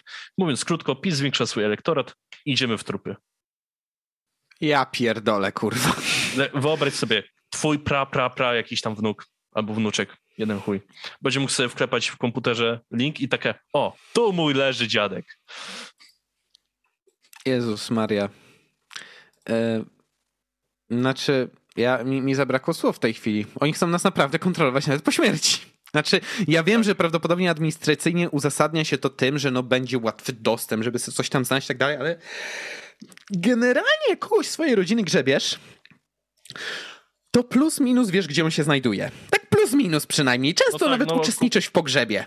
No tak, kupujesz konkretne miejsce na cmentarzu, kupujesz jakby konkretną kwaterę, jakby zakopanie tego, etc. I, i wszystko wokół tego. E, oczywiście przedstawiciele branży funeralnej, z tego co donosi Rady Z, też nie ukrywają, że projektem prawa delikatnie mówiąc nie są zachwyceni. E, I Krzysztof Wolicki, czyli prezes Polskiego Stowarzyszenia Pogrzebowego, podzielił się krytycznymi uwagami z Super Expressem i brzmią one tak, mm -hmm. uwaga, cytuję. Chory pomysł. Zasada jest prosta. To, co w ziemi jest własnością cmentarza, to, co nad ziemią, sensie nagrobki, należy do dysponenta. Ustawodawca powołuje się na prawo rzymskie, że jeśli coś jest trwale związane z ziemią, to jest własnością właściciela. Gdy postawię mhm. pomnik za 10 tysięcy złotych, a później stwierdzę, że mi się nie podoba i go zdemontuję, to czy w tym momencie okradam właściciela cmentarza? Właśnie, to może stworzyć takie dosyć specyficzne precedensy prawne. Wyobraź sobie, że musi złożyć prośbę do jakby, nie wiem, kościoła na przykład, czy mogę postawić taki nagrobek? No ten jest zbyt mało estetyczny, musi pan postawić ładniejszy, ale to nie jesteśmy. Mało nas to obchodzi. Taka unifikacja na siłę, nie? Tak, albo nie, powiedzmy, że Kościół dogada się z jedną konkretną firmą w mieście, która robi nagrobki yy, i będą mówili, że tak, można postawić pomnik, ale tylko tej firmy, żadnej innej. Wyobraź sobie taką sytuację, aby może doprowadzić do takich małych mafii, które w Kościele nie oszukujemy się i tak już występują. Do korupcji, no bo Jezus Maria, no będzie można zarabiać na tym, że dajemy zgody na nagrobki. W sensie to, to jest, tak, no, to, to, potencjalnie może być koruptogenne. Tak, tak. No nie szukamy, są już branże, gdzie jeden z drugim się dogada, że tam dostanie procent od prowizji sprzedaży i obawiam się, że tutaj też może tak być, e, więc e, cóż, e, well... W momencie, w którym myślisz, że ten kraj nie może przekroczyć kolejnej granicy absurdu, oni... wypierdalają trzy do przodu. Tak, jakby w momencie, kiedy myślałeś, o, doszli do dna, może się teraz odniją. Nie, okazuje się, że jest kolejne dno. O, oni kopią dalej, dokopią się wreszcie do tych Chin. Tak, no ja Będzie pamiętam, jak mało. Ja, ja, pamiętam, jak czytałem opowiadanie Dmitriego Głuchowskiego, ma taką zbiór opowiadań, się nazywa Witajcie w Rosji i tam pierwsze hmm. opowiadanie jest o tym, jak e, właśnie chyba Gazprom albo jakaś inna firma w Rosji e, próbuje się dokopać do piekła i wierzą, że oni się dokopią do piekła i kopią cały czas w dół. Ja myślę, że teraz PiS robi dokładnie to samo. Oni kopią cały czas w dół i udowadniają, że w końcu się dokopią do tego piekła. U, udowodnimy, bo możemy. I, i, I, to jest przykre, że muszę w tym momencie mój własny kraj i rząd, który rządzi tym krajem, porównywać do opowieści o Rosji, gdzie autor musi używać kwestii fantastycznych, żeby jakkolwiek pokazać, jak bardzo absurdalny jest jego własny kraj. To może kontynuujmy temat absurdów. Ja e, zaproponuję, za, zacznę w ogóle od nagłówka Newsweeka. Dobrze. Który brzmi tak. Kaja Godek ma ogromne ambicje, ale nawet radykalna prawica nazywają Korwinem bez polotu. No jak, już, um, jak już się prawica wzywa od Korwinów, więc że źle. Bez polotu nawet, nie? Um, oczywiście, że chcę teraz porozmawiać na temat ustawy Stop LGBT, inicjatywy Kai Godek. Może najpierw zacytuję fragment artykułu z Prost dotyczącego mm -hmm. tego, o czym ma w ogóle chodzić w tej ustawie. 28 Dobrze. października Sejm debatował nad obywatelskim projektem ustawy Stop LGBT złożonym przez Fundację Kai Godek. Projekt zakłada m.in. zakaz organizowania parad równości. Ehm, za inicjatywą stoi Fundacja Życie i Rodzina, której przedstawicielką jest Kaja Godek. Podpisy pod projektem zbierano pod kościołami, a do wspomnianej akcji namawiało na swojej antenie Radio Maryja. Oczywiście, że musi być w tym wątek piernikowy. Ostatecznie fundacji udało się uzbierać aż 140 tysięcy podpisów, czyli no w sumie tyle, co wymaga inicjatywa obywatelska pod projektem ustawy. No, e, co zakłada w ogóle ustawa? No, nawet z taką sporą, tak, że no jakby coś tam miało spaść, no to mają się czym bronić. W projekcie uściślono, że przez propagowanie homoseksualizmu rozumie się wszelkie formy upowszechnienia, rozpowszechnienia, agitowania, lobbowania, twierdzenia, oczekiwania, żądania, zalecenia, rekomendowania bądź promowania. Dodatkowo nowelizacja przewiduje też zapis zabraniający podczas gromadzenia wykorzystywania symboli religijnych oraz przedmiotów związanych z praktykowaniem obrzędów religijnych w sposób mogący urazić uczucia religijnych innych osób, w tym poprzez ich artystyczne przetworzenie oraz wykorzystywanie religii lub nawiązań religii w kontekście zakazanych celów. Tu chodzi, e, tu może chodzić o dodawanie tęczowych bardzo świętych obrazów, czy przebranie się za osoby duchowne. Oczywiście wiemy, do czego to jest picie do słynnej sprawy z tęczową Maryją. I powiem tak, y, ja już to krytykowałem nieraz i w sumie moja opinia jest dość bliska do takiej krytyki, którą stosował też Szymon Pękala y, z Wojny Idei, czyli no szkuźwa mać, czy wy naprawdę chcecie wprowadzać przepisy, które będą subiektywne, zależne od czyichś uczuć? Przecież to jest sprzeczne z ideałem prawa, które ma być obiektywne, które ma być równe wobec wszystkich i niezależne od czyichś emocji. Przepraszam, to, że ktoś się popłacze, to oznacza, że mamy go karać? Nie, to tak nie działa. To jest tak naprawdę wiązanie nam twarzy, wprowadzenie cenzury. No bo znaczy tak, jak obrazimy cenzury... czyjeś uczucie, zawsze możemy kogoś obrazić. Tak, tak naprawdę. tak naprawdę to jest jeszcze większe związanie prawa z Kościołem niż mamy dotychczas, choć i tak już jest na całkiem głębokim poziomie, tak naprawdę. No, a w tym momencie jakby to pogłębiamy jeszcze bardziej. Bo nie szukujmy się. Czy chodzi o Kościół? Tak, bo chodzi o przepisy religijne czysto. Nie szukajmy znaczy, się. To nie chodzi... jest przepis religijny, to jest przepis emocjonalny, ja bym powiedział. Emocjonalny, to jest najważniejszy ale związany, związany bardzo Ale mógłby być związany z czymkolwiek. Oczywiście, nie wolno w ogóle przy... wprowadzać przepisów emocjonalnych. Oczywiście, że tak, nie mówię, że nie, ale w tym przypadku mhm. jeszcze dodatkowo mamy aspekt mocnego wiązania w to kościoła. Znaczy, no tak, no, zgodzę się, że oczywiście Kościół nie powinien mieć prawa na, wpływu na to, jak tworzymy legislację. Ja wiem, że nasz kraj jest, no, nawet na arenie międzynarodowej, nieprzypadkowo jest uznawany za jeden z bardziej homogenicznych krajów y, świata. Y, nie tylko pod kątem narodowym, ale też właśnie przez religię. Ale prawda jest też taka, że. Nawet jeżeli mi, bylibyśmy krajem jakimś tam, nie wiem, mocno wyznaniowym, to nadal wprowadzenie takich przepisów to jest totalny absurd. Tak, tak. Ze względu na to, że prawo ma być y, podawane jednak przez tą stronę, że tak powiem, nie duchową, tylko cywilną naszego grajdołka. Mimo, że ta cywilna też, no, że tak powiem, efektywnej wydania nie jest. Ale to jest dopiero pierwszy punkt. Tego jest dużo więcej. Drugi punkt. Zapis zabraniający podczas zgromadzenia.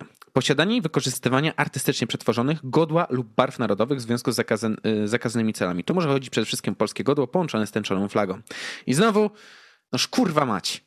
W sensie, ja wiem, że istnieje u nas taki przepis o ochronie symboli, e, symboli państwowych, tak, godła, flagi i tak dalej. Nie chodzi o jakieś rzeczy związane, nie wiem, że wrzucisz zdjęcia, jak depczesz flagę w samochodzie, tak jak były te takie tak. To bardziej chodzi takie rzeczy, nie wiem, palenie flagi, jakby propagowanie jakby autorytarnych jakichś, powiedzmy... E, chociaż Powiem ci, że to może sięgać tak dalej, bo jak studiowałem, jak studiowałem to moje nieszczęsne prawo przez rok, to um, zanim poszedłem na ekonomię, to właśnie miałem takie ciekawe zajęcia, gdzie właśnie jeden wykładowca nam bardzo ciekawie ten temat przedstawił i mówi, mm.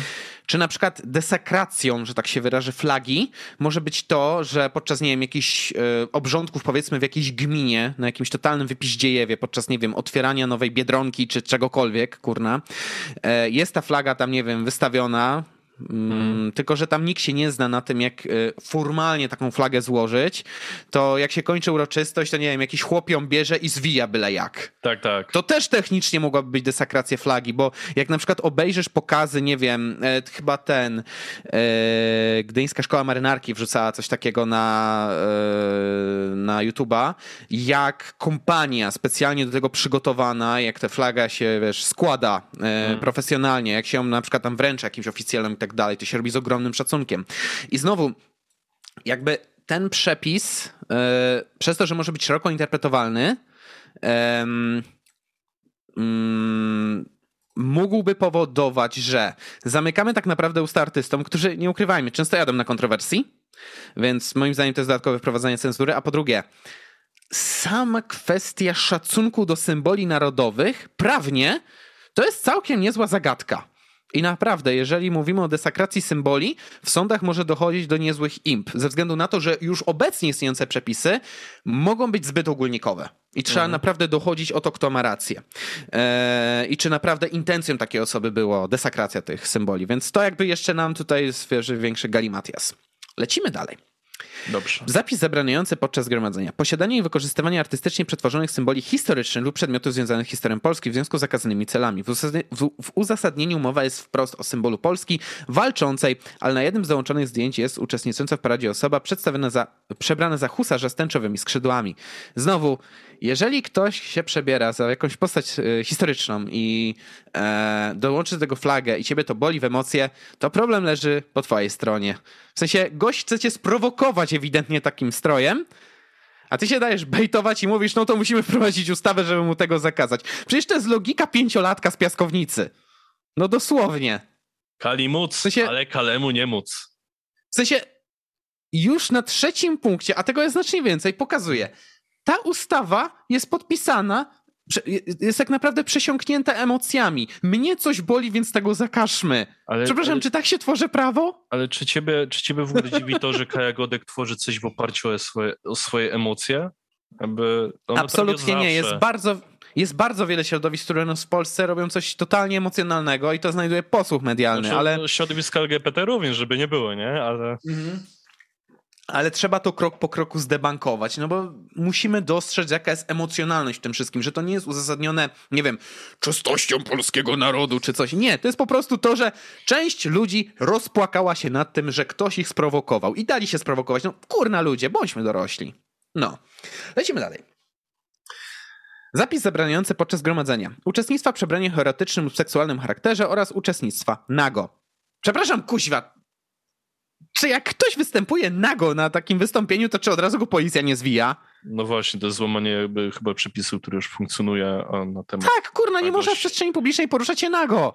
No, po prostu. To jest duplikacja, a druga rzecz, przebranie erotycznym lub seksualnym charakterze. Oczywiście, że chodzi o paradę LGBT, bo znarzy się tam jakaś taka banda debili, która właśnie się w coś takiego prowokacyjnego przebierze. W sensie... Już abstrahując już od tego, jak interpretować tego typu przebranie? Co tak, nie, bo to by też pozostawało dużo interpretacji. chłopak w rurkach to już jest przebranie seksualne, przepraszam w sensie, bardzo. Tak, ten przepis mógłby być nadużywany, zgadzam się z tobą, w pełni. I jak naj... Poza tym, kurczę, jeżeli e, konkretne zgromadzenie nie jest rozwiązywane, blokowane, czy, czy jakoś tam karcone za osoby, które coś takiego odpieprzają, mhm. no to, że tak powiem, problem leży chyba po stronie e, służb, że tak powiem. Nie? No ale dobra. Kolejny zapis zabraniający podczas zgromadzenia wszelkich zachowań oraz działań godzących w moralność publiczną, w tym w szczególności mogących zgorszyć lub zdemoralizować dzieci lub młodzież w wieku od lat, do lat 18. No szmatko jedyna, czy ktoś wie, że w naszym kraju jest dostęp do takiej strony jak Pornhub? W sensie młodzież jest dzisiaj dostatecznie zdemoralizowana przez to, co widzi w internecie, przez to, z czym zderza się w mediach. Nie zapraszaj, bo zaraz ją zablokują. I, i tak, ci ludzie brał... mogliby tego chcieć, zdecydowanie, żebyś wiedział. Będziemy mieli no nad November przez cały rok um, więc powiem tak, chcecie walczyć z, z, demoralizacją dzieci, to się nimi opiekujcie. Tak powracam właśnie do naszej rozkminy z początku epizodu. W sensie, mówiliśmy tu o tym, ja przynajmniej mówiłem, że uważam, że istnieje dzisiaj coś takiego jak kryzys wychowawczy, że rodzice za mało czasu dzieci spędzają, za bardzo pozwalają, żeby kształtowały dzieci media, e, internet i tak dalej. Ustawa tego nie zmieni. Jak nie będziecie wychowywać swoich dzieciaków, to one się i tak zdemoralizują. Oczywiście, Ustawa tutaj nic nie pomoże. Oczywiście, że tak. Jest nawet e, o tym e, dobry wers e, rapera Maty. Tutaj wyjątek. Muszę, będę musiał jakby pochwalić się, się Matą. E, więc e, teraz tylko dajcie mi sekundę. O, uwaga, cytuję Matę. Cud. E, mhm. E, kretynie, po co to robisz? Piszą mi w DM-ach sfrustrowane matki o demoralizacji ich dzieci i rodzin, a ja tylko mówię, jak żyją. To wy mówiliście, jak mają to robić. No, no, dokładnie. Plus e, my lubimy doszukiwać się winne w kimś, nie dostrzegając belki we własnym oku, że już się tak na Biblię nawet powołam. I kolejny zapis, posiadanie i zakaz posiadania i wykorzystywania jakichkolwiek materiałów, których treść odwołuje się do wymienionych zakazanych celów, czyli na przykład jakichkolwiek ulotek czy transparentów propagujących LGBT. Teraz przepraszam. Ej, wyobraź sobie, że teraz jakaś, jakaś alternatywka, która idzie sobie z tęczową torebką po starówce w Toruniu jest zgarnięta przez pały, bo kurwa, to jest jako ro, Propaganda, LGBT. tak. tak. Się, przepraszam, to dlaczego w, w, przestrzeni publicznej jedni mogą sobie promować różne rzeczy, nie wiem, mogą promować zgromadzenia jakieś religijne, mogą pr- promować jakieś zgromadzenia pro-life, a druga strona konfliktu y, debaty, y, debaty publicznej już nie może. Ja, ja chciałbym tylko przypomnieć, że ONR jakimś dziwnym trafem nadal jest legalny w Polsce. W związku z tym, no przepraszam, jeżeli wol, równość wobec prawa, to nie możemy jednym zamykać mordę, a drugim nie zamykać. To jest stronnicze, sobie... artykuł, stronnicze, no i tyle. No. Wyobraź sobie, teraz siedzi jakaś babcia w jakimś okienku, patrzy sobie, wiesz, pipi, pa, pa, pa, co się dzieje na osiedlu i widzi, mhm. o kurwa, to dziecko narysowało tęczy na chodniku. No, dzień dobry, 997. E, mamy tutaj dziecko zdemoralizowane, namalowało tęczę na chodniku, przyjeżdżają pały i cyk, zapinają w kandany i do starych. To w takim razie wiesz, że ja też powinienem być zakuty w kajdany, bo w mojej pracy mam, uwaga, klawiaturę RGB tęczową. O nie. O nie. Jesteśmy zgubieni. O nie. Dobra. Gamerzy jak mają przejebane wszyscy, nie? Dokładnie. Wszyscy traficie do sztumu. Okej. Okay. Dodatkowo jeszcze założenia są związane z tą ustawą. Złożony projekt ustawy zakłada, że cel zgromadzenia nie może dotyczyć m.in. kwestionowania małżeństwa jako związku kobiety i mężczyzny. W sensie, nie chcę już się teraz odpalać na ten temat, ale Wiem, że u nas istnieje taki zapis dotyczący tego, y, dotyczący właśnie związków, że związek małżeński to związek kobiety i mężczyzny. No to mamy jakby to w tym się bronimy. Dokładnie. I jakby tym się bronią środowiska konserwatywne. Ale powiem tak. Zauważyłem, że w młodym pokoleniu już jakby zmienia się retoryka w tym zakresie. E, pojawia się coraz więcej zrozumienia dla związków jednopłciowych i nie ma kwestionowania, nie wiem, czegoś takiego jak preferencja seksualna tych ludzi, że mogą być biseksy, homoseksy i heteroseksy, tak? W sensie, no, matko, pełen przekrój, że tak powiem. Tak. Ale wiesz co? Przypomnę, że Kaja Godek, e, nie pamiętam już w którym roku, w poprzednim albo dwa lata temu, w 20, w 20. Zwyciężyła w rankingu biologicznej bzdury roku. Tak. Y, za najbardziej absurdalne stwierdzenie z zakresu nauki. Działaczka ProLife mówiła w debacie dnia w Polsat News, że nie istnieje coś takiego jak orientacja seksualna. No szkurwa mać. Wow. Y, I to wywodzi się z takiej ignorancji naukowej. W sensie, jak można zakwestionować coś takiego, że człowiek nie ma preferencji seksualnej? Że lubi kobietki, lubi mężczyzn, lubi oboje. No, matko jedyna. To tak, jakby, to tak jakby zakwestionować, że y, jakby... W matematyce jest dzielenie. Nie, o. że na przykład nie mogą się rodzić dzieci upośledzone i teraz i co teraz z dziećmi Kai Godek, które przecież są upośledzone, jakby z tego wszystkiego wzięły się ten zakaz aborcji. Znaczy, ja bym zakaz... nie nabijał się z... Nie nabijałbym się z, z, jej sytuacji osobistej, tak szczerze, bo to jest poniżej pasa. Tylko. Nie, jakby... oczywiście, że tak, ale wychodzenie z założenia, że dobra, urodziło mi się upośledzone dziecko, jest piękne, więc teraz wszystkim innym zakażę aborcji z tego powodu. Jest jeszcze bardziej no tak, no, niż, niż, niż... Rozumiem, z czego tu wychodzisz. Ja bym po prostu mm. nie pił tutaj do osobistej sytuacji, ale wiem, że tak, to, to prawdopodobnie jakby podyktowało, że ale ona no, stoi wyżej taka... moralnie, w związku z tym ma prawo, wiesz, ale o prawda jest rzeczy. taka, że jej osobista sytuacja jest jakby przyczykę do tego, że w ogóle dzisiaj o tym rozmawiamy. No, taka prawda. Dobra. Kolejny cel zgromadzenia nie może dotyczyć propagowania rozszerzenia instytucji małżeństwa na osoby tej samej płci. Przypomnę tylko tytuł naszego drugiego podcastu e, w ramach naszej serii Odebrać małżeństwa państwom. I wyjaśniliśmy, że przez to, że istnieje monopol państwowy na małżeństwo, to nie mogą o tym decydować ludzie i tak naprawdę związki kościelne, mm, w sensie organizacje kościelne, mogłyby to robić we własnym zakresie, a tak naprawdę państwo powinno umożliwić zawiązanie umowy małżeńskiej pomiędzy dwoma dowolnymi osobami. Zresztą tak to jest pod... tam ciekawe żeby się nie bronić konserwatyści nazwać to, nie wiem, umową partnerską, cokolwiek.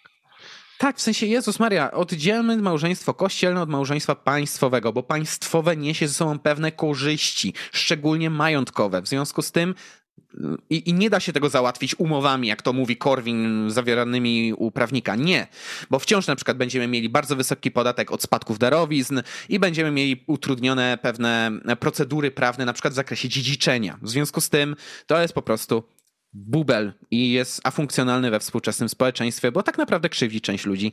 Eee, krzywdzi część ludzi, a jeżeli prawo ma być wobec wszystkich równe, no to Takiego czegoś nie może w tym prawie być. Kolejne.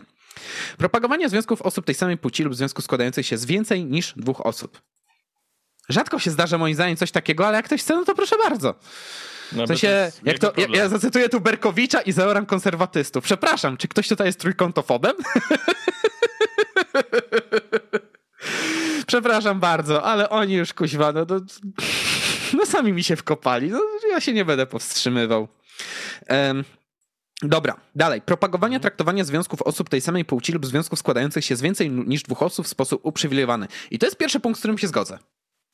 Bo żaden związek małżeński, jaki by nie był, nie powinien być uprzywilejowany, tylko one powinny być równe wobec prawa. Wchodzisz w taki związek, otrzymujesz określone być może przywileje ze strony państwa, niezależnie od układu, jaki w nim jest. So, no, jakie obowiązki? Oczywiście. Bo pamiętajmy, że jeżeli związek małżeński zakończy się jednak failem, no to to jest związane z tym, że no, trzeba podzielić majątek na koniec, że trzeba na przykład pełnić Chyba, pewne obowiązki w tym związku, inaczej będzie podstawa do rozwiązania go. Chyba, że była podpisana intercyza, oczywiście. Więc. Mm, więc, więc tak, nie należy ich uprzywilejowywać, tylko po prostu, po, prostu traktować jak każdy inny związek małżeński, ten domyślny prawdopodobnie w ramach tej ustawy, czyli ten między kobietą a mężczyzną. Lecimy dalej. Propagowanie rozwiązań prawnych mających na celu uprzywilejowanie związków tej samej płci, potem propagowanie możliwości przysposobienia dzieci przez osoby tej samej płci. Ile razy trzeba debankować ten mit, że jak już geje albo lesbijki zaczną wychować dziecko, to to jest dla niego największa tragedia świata. Największa tragedia dla dziecka. I coś, co najbardziej upośledza wzrost dziecka, Brak to jest właśnie wychowanie się bez rodziców. Tak, Dokładnie. Brak jakiegokolwiek autorytetu, jakby jakiejś postaci wyższej. No nie szukujmy się. No, Nikomu nie się życzę słyszało, wychowywania się w domu dziecka. Tak, Mhm. nie- niejednokrotnie się słyszało, jak, jak, jak wygląda wychowywanie się w bidulu tak zwanym, czyli właśnie w domach dziecka i jakby tam patologia tworzy patologię bardzo często e, jakby państwo nie jest w stanie sobie z tym jakoś dobrze poradzić.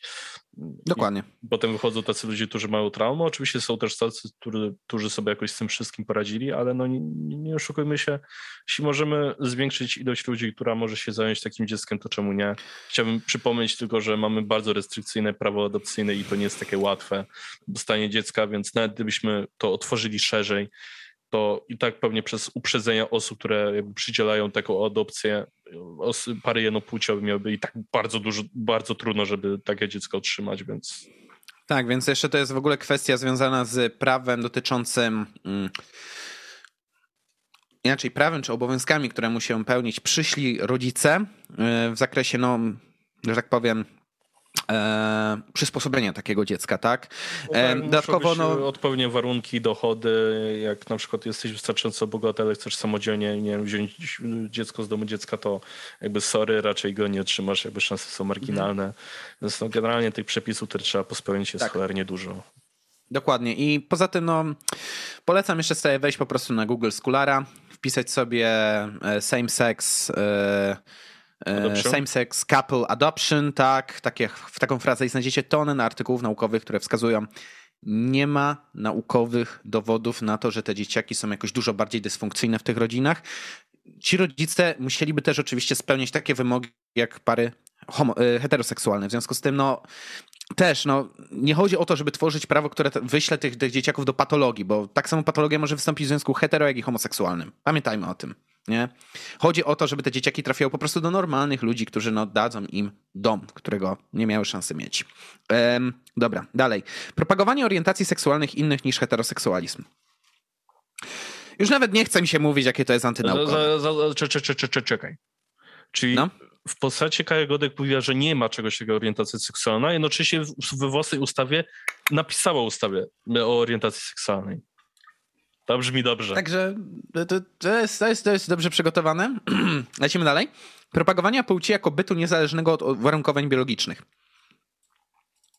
Znaczy. No tak, no, to tu akurat się zgodzę. Płeć jest pojęciem z zakresu biologii. I Tak, to jest tak, oczywiście oczywiście. walka z genderem, tak? W związku z tym, no, jakby rozumiem, czemu ma to przeciwdziałać, ale znowu, czy to powinno być zakazywane prawnie, czy raczej rozwiązywane w debacie publicznej? Bo to jest też cenzura. Znaczy, wiesz co, z jednej strony tak, ale z drugiej strony to, że my w ogóle rozmawiamy o czymś, co jest naukowo osadzone, jest niepodważalne w jakikolwiek sposób, pomijając pewne choroby genetyczne typu dysforia, ale to jest mhm. wyjątek. Jakby to, że w ogóle dopuszczamy do tego, że ktoś próbuje podważyć coś, co jest kurwa niepodważalne w jakikolwiek sposób, jest totalnym no. absurdem. No tak, w sensie ja mówię, jako prawdziwy wolnościowiec powiem tak, mogę się z kimś totalnie nie zgadzać, ale no nie zakażę mu głoszenia swoich poglądów, jakie by one nie były. Moim zdaniem, żeby dojść do prawdy, trzeba debatować, a nie zamykać komuś mordę, dlatego że nam nie pasuje to, co mówi. Ja się mogę z kimś nie zgadzać, ale no nie zakażę im się odzywać. No i jeszcze pro, y, tam C zgromadzenia nie może dotyczyć propagowania aktywności seksualnych dzieci i młodzieży przed ukończeniem 17 roku życia. Za coś takiego też by to teraz spadło prawdopodobnie. W sensie, kurna, no wyobraź sobie, protest dzisiaj promuje, nie wiem, masturbację wśród dzieci. No przecież to jest chore. Ale przepraszam bardzo, przecież to też jest bardzo szerokie pojęcie. Przecież puszczenie tych kaset VHS o, e, podczas lekcji WDŻ-u to by też mogło, można by po to podciągnąć równie dobrze, bo albo nie wiem, to, że jest opis tego, jak działa penis w książce od biologii. Kurwa. Tak, więc no podsumowując, cały ten twór prawny to jest dla mnie bubel, który tak naprawdę cenzuruje ludzi, z którymi Kaja, się, Kaja i jej organizacje się nie zgadzają i którzy e, no nie podzielają po prostu jej spojrzenia na świat. Tak podsumowując to oczywiście krótko. E, i teraz tak, y, ja bym nie miał nic przeciwko Kai Godek, gdyby ona faktycznie chciała na ten temat debatować, gdyby ona chciała ten temat y, rozwijać y, w takim zakresie, że nie wiem, być może pokazywać inną perspektywę na to, przekonywać ludzi do tego, że być może istnieje jakieś moralne uwarunkowanie ku temu, żeby walczyć o to życie nienarodzone. Naprawdę nie miałbym nic Tylko, do niej, gdyby ona debatowała. Na... Mhm. Problem tylko polega na tym, że jej debata to jest jeżdżenie tych tak zwanych płodobusów, gdzie są zdjęcia tych martwych płodów. Tylko wiesz co, Nawet nie o to mi chodzi. totalnymi ewenementami, które się najczęściej podczas tego zabiegu nie zdarzają, bo ten zabieg najczęściej wykonuje się jak ten za bardzo nawet nie za dobrze ukształtowany, tak naprawdę jest zlepkiem komórek rzeczywiście. E, mhm. i, i, I, jakby, no, no sorry, no ona wielokrotnie pokazała, że to, co ona robi, to jest czysta propaganda, ideologia, a nie, nie, nie znaczy- debatowanie znaczy... o czymkolwiek. Wiesz co, już nawet pomijając metody, jakie stosuje. Mm. Mnie boli w tym to, że ona wychodzi z postaw totalnie antynaukowych i tak naprawdę chce cenzurować ludzi, którzy się z nim nie zgadzają, zamiast prowadzić debatę. Ona mówi, że prowadzi debatę, jednocześnie tworząc ustawę, która tak naprawdę wprowadza cenzurę, niejasność prawną i tworzy precedensy prawne, które prawdopodobnie dotykałyby więcej ludzi niż ta ustawa przewiduje, bo dotykałyby, jak tutaj żartobliwie powiedziałeś, tych dziewczyn, które łażą po starówce z e, torbą w kolorach tęczy, tak, ale z drugiej strony, no, przede wszystkim jakby mnie jako wolnościowca bodzi to w jedną rzecz. Wolność słowa. Uniemożliwia tak, tak. debatę w tym zakresie, twierdząc, że ci mają rację, ci racji nie mają. No przepraszam, to jest totalitaryzm w czystej formie twierdzenie, że jedni mają rację, drudzy absolutnie nie mają tej racji, tak ma być i kropka. No przepraszam, no, ja myślałem, że żyjemy jednak w XXI wieku, gdzie dobra, tych wolności może nie mamy za dużo, ale staramy się jednak tam walczyć o jakąś, jakąś tam równość prawie, a nie żyjemy w XX wieku naznaczonym dyktaturami różnego rodzaju. No. No popatrz, jak to historia lubi się powtarzać, nie? W sensie, jeżeli ktoś nie uzna po drodze procedowania tego mm, projektu jako totalnego bubla prawnego, jeżeli poprze go jakaś większość sejmowa, ja przestaję wierzyć absolutnie w ten kraj. Aczkolwiek wybuchła, a wybuchła już taka imba wokół tego projektu, że prawdopodobnie nikt przy zdrowych zmysłach nie poprze go, bo nawet takie może mniej radykalne środowiska konserwatywne no w głowę się pukają, kiedy o tym słuchają. W sensie, no znaczy... ja jako ewolucyjny konserwatysta w jakimś tam stopniu, ja się w głowę pukam, kiedy słucham takich banialuków prawnych, nie? Znaczy oczywiście, że tak. No dodatkowo do tego wszystkiego wyszła jeszcze ta sytuacja ze szpitala w Pcimie bodajże, mhm. w którym e, jakby kobieta miała zagrożoną ciążę, wyszło, że płód i tak by się urodził martwy. I tak jak w normalnej procedurze powinno dojść, z tego co słyszałem i czytałem, po prostu jakby aborcji tego płodu, żeby uratować życie matki, to jakby okazało się, że lekarze prawdopodobnie bali się podjąć jakąkolwiek decyzję ze względu na obecne polityczne jakby decyzje naszego rządu odnośnie aborcji.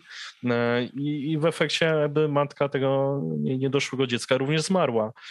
I to jest również taki przykry jakby element y, tego, że jakby, nie oszukujmy się, no, obecna wojenka polityczna doprowadza do śmierci ludzi.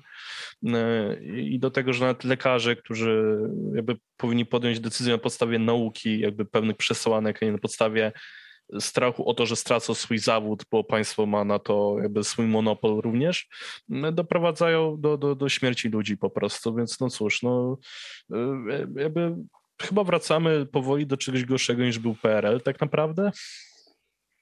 Czy ja wiem, czego. Znaczy inaczej, możemy zmierzać w tym kierunku. Tak, no możemy. No, mam na myśli to, że powolutku zmierzamy w tym kierunku, bo absurd goni absurd.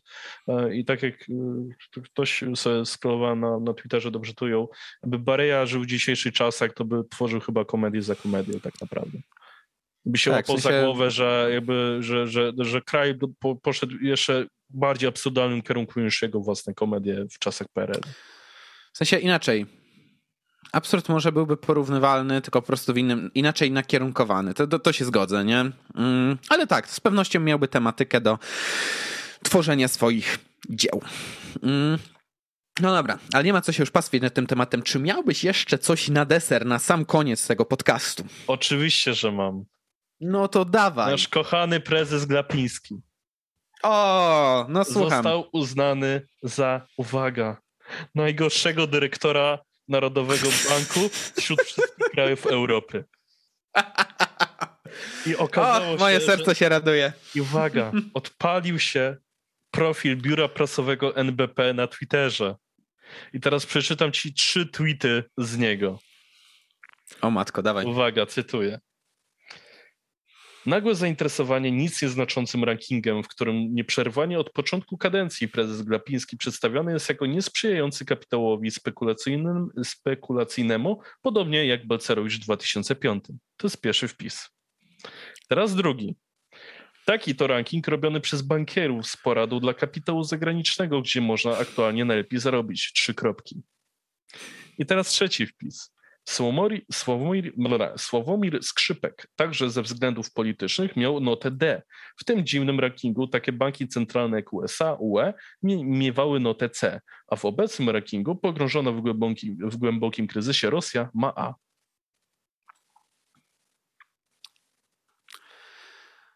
Eee, tak. Powiem tak, ciężko mi to zweryfikować ze względu na to, że nie wiem, jak te rankingi wyglądają.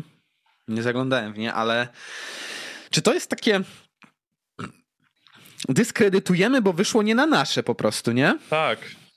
Znaczy ja nie twierdzę, być może rzeczywiście e, Rosja ma A, nie powinna, jakby nie mówię, że nie, ale e, jak, jeśli jesteś ogłoszony najgorszym prezesem Narodowego Banku wśród banków Europy centralnych, to mimo wszystko coś może być na rzeczy, biorąc pod uwagę, że nie wiem, inflacja zapierdala w górę, za chwilę będziemy mieli 1000 złotowy banknot, e, e, od inflacji jest odejmowana inflacja żywności, żeby pokazać, że jest niska e, i wszystkich ostatnich potknięć Narodowego Banku Polskiego, jakie miały ostatnio miejsce. Ech, dodałbym jeszcze, że jak debile naśladujemy politykę Banku Centralnego Niemiec, nie obniża, od dłuższego czasu utrzymując stopy procentowe na bardzo niskim poziomie, nie podwyższając ich, co robi już większość krajów środkowej Europy, które mają po prostu mniej wydolne gospodarki niż niemiecka i nie mają takich deali jak Niemcy.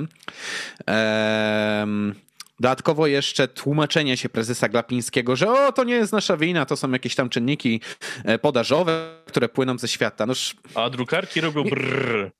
Dokładnie. Już, już mnie męczy po prostu słuchanie prezesa Glapińskiego, który nam wciska ewidentny no, no shit po prostu i kłamstwa, tak? E, tylko, że no, Polacy, którzy moim zdaniem są kiepsko wyedukowani w zakresie ekonomii, no, no łykają to czasami jak palikany, szczególnie najtwardszy elektorat PiSu, tak? E, więc jakby efekt propagandowy prezes Glapiński osiąga. Ale fakt, że ktoś z zagranicy dostrzega, jak bardzo niekompetentnym, zakłamanym on jest człowiekiem, no trochę raduje moje serce. Bo ja mówię, można krytykować instytucje ponadnarodowe, czy jakieś, e, czy, czy jakieś twórców rankingów tego typu e, za różne rzeczy. Mm. Unię Europejską uważam, że można krytykować za parę rzeczy. Ale z drugiej strony, gdyby nie ta Unia Europejska, to trzeba sobie pomyśleć, Jezus, ci nasi to już mogliby sobie pozwolić na wszystko. W związku z tym jakieś plusy przynależności do takich inicjatyw są. I uwaga, dochodzimy do momentu, no. w którym mogą sobie pozwolić na wszystko. Bo tak. nie wiem, czy słyszałeś, ma powstać mur na granicy z Białorusią.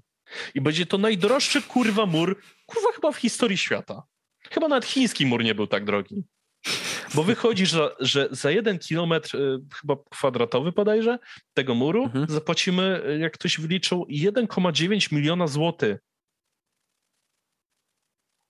Kuźwa, na całej granicy. Tak, Przecież to, jest 600 km. I to, i to 200, nie będzie ten nie, słynny mur km. że będzie tak wielki, że nie, nie przelecisz przez niego plecakiem odrzutowym. Nie, to nie jest ten mur. To jest zwykły mur na granicy. I teraz uwaga, ktoś teraz odkrył, że powstała firma Danbud w rejestrze firmowym polskim. I wiesz, kto jest mhm. właścicielem tej firmy? No dawaj. Daniel Obajtek. Się nie zdziwię, jeśli ten jebany mur będzie powstawał z, przez jego firmę i on sobie weźmie kupę hajsu na jego budowie. Bo łącznie Pewnie, ten, tak. na ten mur łącznie ma być wydane chyba 1,6 miliarda, jeśli dobrze pamiętam, albo więcej. Ożeż kurwa. Za Przy naszej sytuacji zwykły jebany mur na granicy z Białorusią. Ja ci powiem jeszcze coś. Przysięgam. To jest projekt, który jeden z najsłynniejszych nieudanych projektów Donalda Trumpa. Nasi go odpieprzą, żeby pokazać, że mogą. Znaczy, ja wiem, jak wygląda sytuacja na granicy z Białorusią w tej chwili, że to jest napięte w opór, nie? Ale z drugiej strony Pamiętasz, jak Cejrowski mówił, że jesteśmy Meksykiem Europy? Otóż nie, kurwa, to Białoruś jest... Jesteśmy USA! Tak, i mamy swojego Donalda Trumpa w postaci Wateusza Morawieckiego. Ja pierdzielę. To oznacza, że to my jesteśmy najpotężniejszym krajem trzeciego świata tego kontynentu. Nie, nie, najbogatszym krajem trzeciego świata. Nie najpotężniejszym, najbogatszym. Właśnie powiedziałem najbogat, najpotężniejszym, bo ten najbogatszy to tak średnio bym powiedział, tak średnio. Tak, znaczy myślę, że najpotężniejszym też nie jesteśmy, jakby hello, skupujemy broń od USA, której oni już nie chcą używać, bo im jest niepotrzebne. Inaczej, mówię najpotężniejszym oczywiście ironicznie, żeby nie było, tak, że oczywiście. to robię na poważnie. Ja wiem, że ironicznie, jakby hello, no jakby USA też się nazywa ironicznie najbogatszym krajem trzeciego świata. E, ale no jakby e, gratuluję. Będziemy stawiać najdroższy mur w historii chyba świata albo Europy przynajmniej. E, więc gratuluję. Znowu jesteśmy w czymś najlepsi. Ja, ja, ja to skomentuję już tylko tak.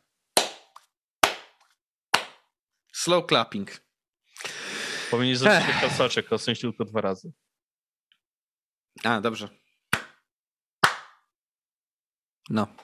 E, Proszę Państwa, to tyle, jeśli chodzi o to wydanie The Absurd Podcast. Pięknie dziękujemy wszystkim za wysłuchanie. Jak zwykle zachęcam do wspierania nas na naszym Patronite, do dołączenia do naszego Discorda. Oczywiście można nas wysłuchać na wszystkich największych platformach streamingowych, które są wymienione w opisie na YouTubie. Eee, przy okazji warto jeszcze wspomnieć, że Kolejne podcasty w drodze, jeżeli chcecie, żebyśmy o czymś konkretnym pogadali, jeżeli chcecie nam zadać pytanie, można wysyłać maila. Patroni jak zwykle mają pierwszeństwo, można zadawać nam pytanie na naszym Discordzie przez pięciu się z mm, Patronite'em. E, no i cóż, no proszę Państwa, ja będę życzył kuźwa, już nawet dobrej pogody nie mogę życzyć, w końcu listopad nadszedł, ale to jest chyba jedyne, co mogę wam życzyć, że będzie dobrze w najbliższym czasie po tym e, paczce absurdów, które dzisiaj usłyszeliśmy. Tak, e, ja życzę niedostania jesiennej depresji, jakby póki co twardo się trzymam, jeszcze nie dostałem. Twarda e, bania, zaciśnięte pięści. Tak, uwalniam instynkt, gdy atmosfera się zagęści. E, Dokładnie. Tak, gdyby ktoś się zastanowił, jak wygląda obecny stan naszego kraju, jakby to będzie co tydzień. To jest dramat, kurwa. Tak, to będzie co tydzień ten Mario będzie pokazywał, jakim stanie jest nasz kraj.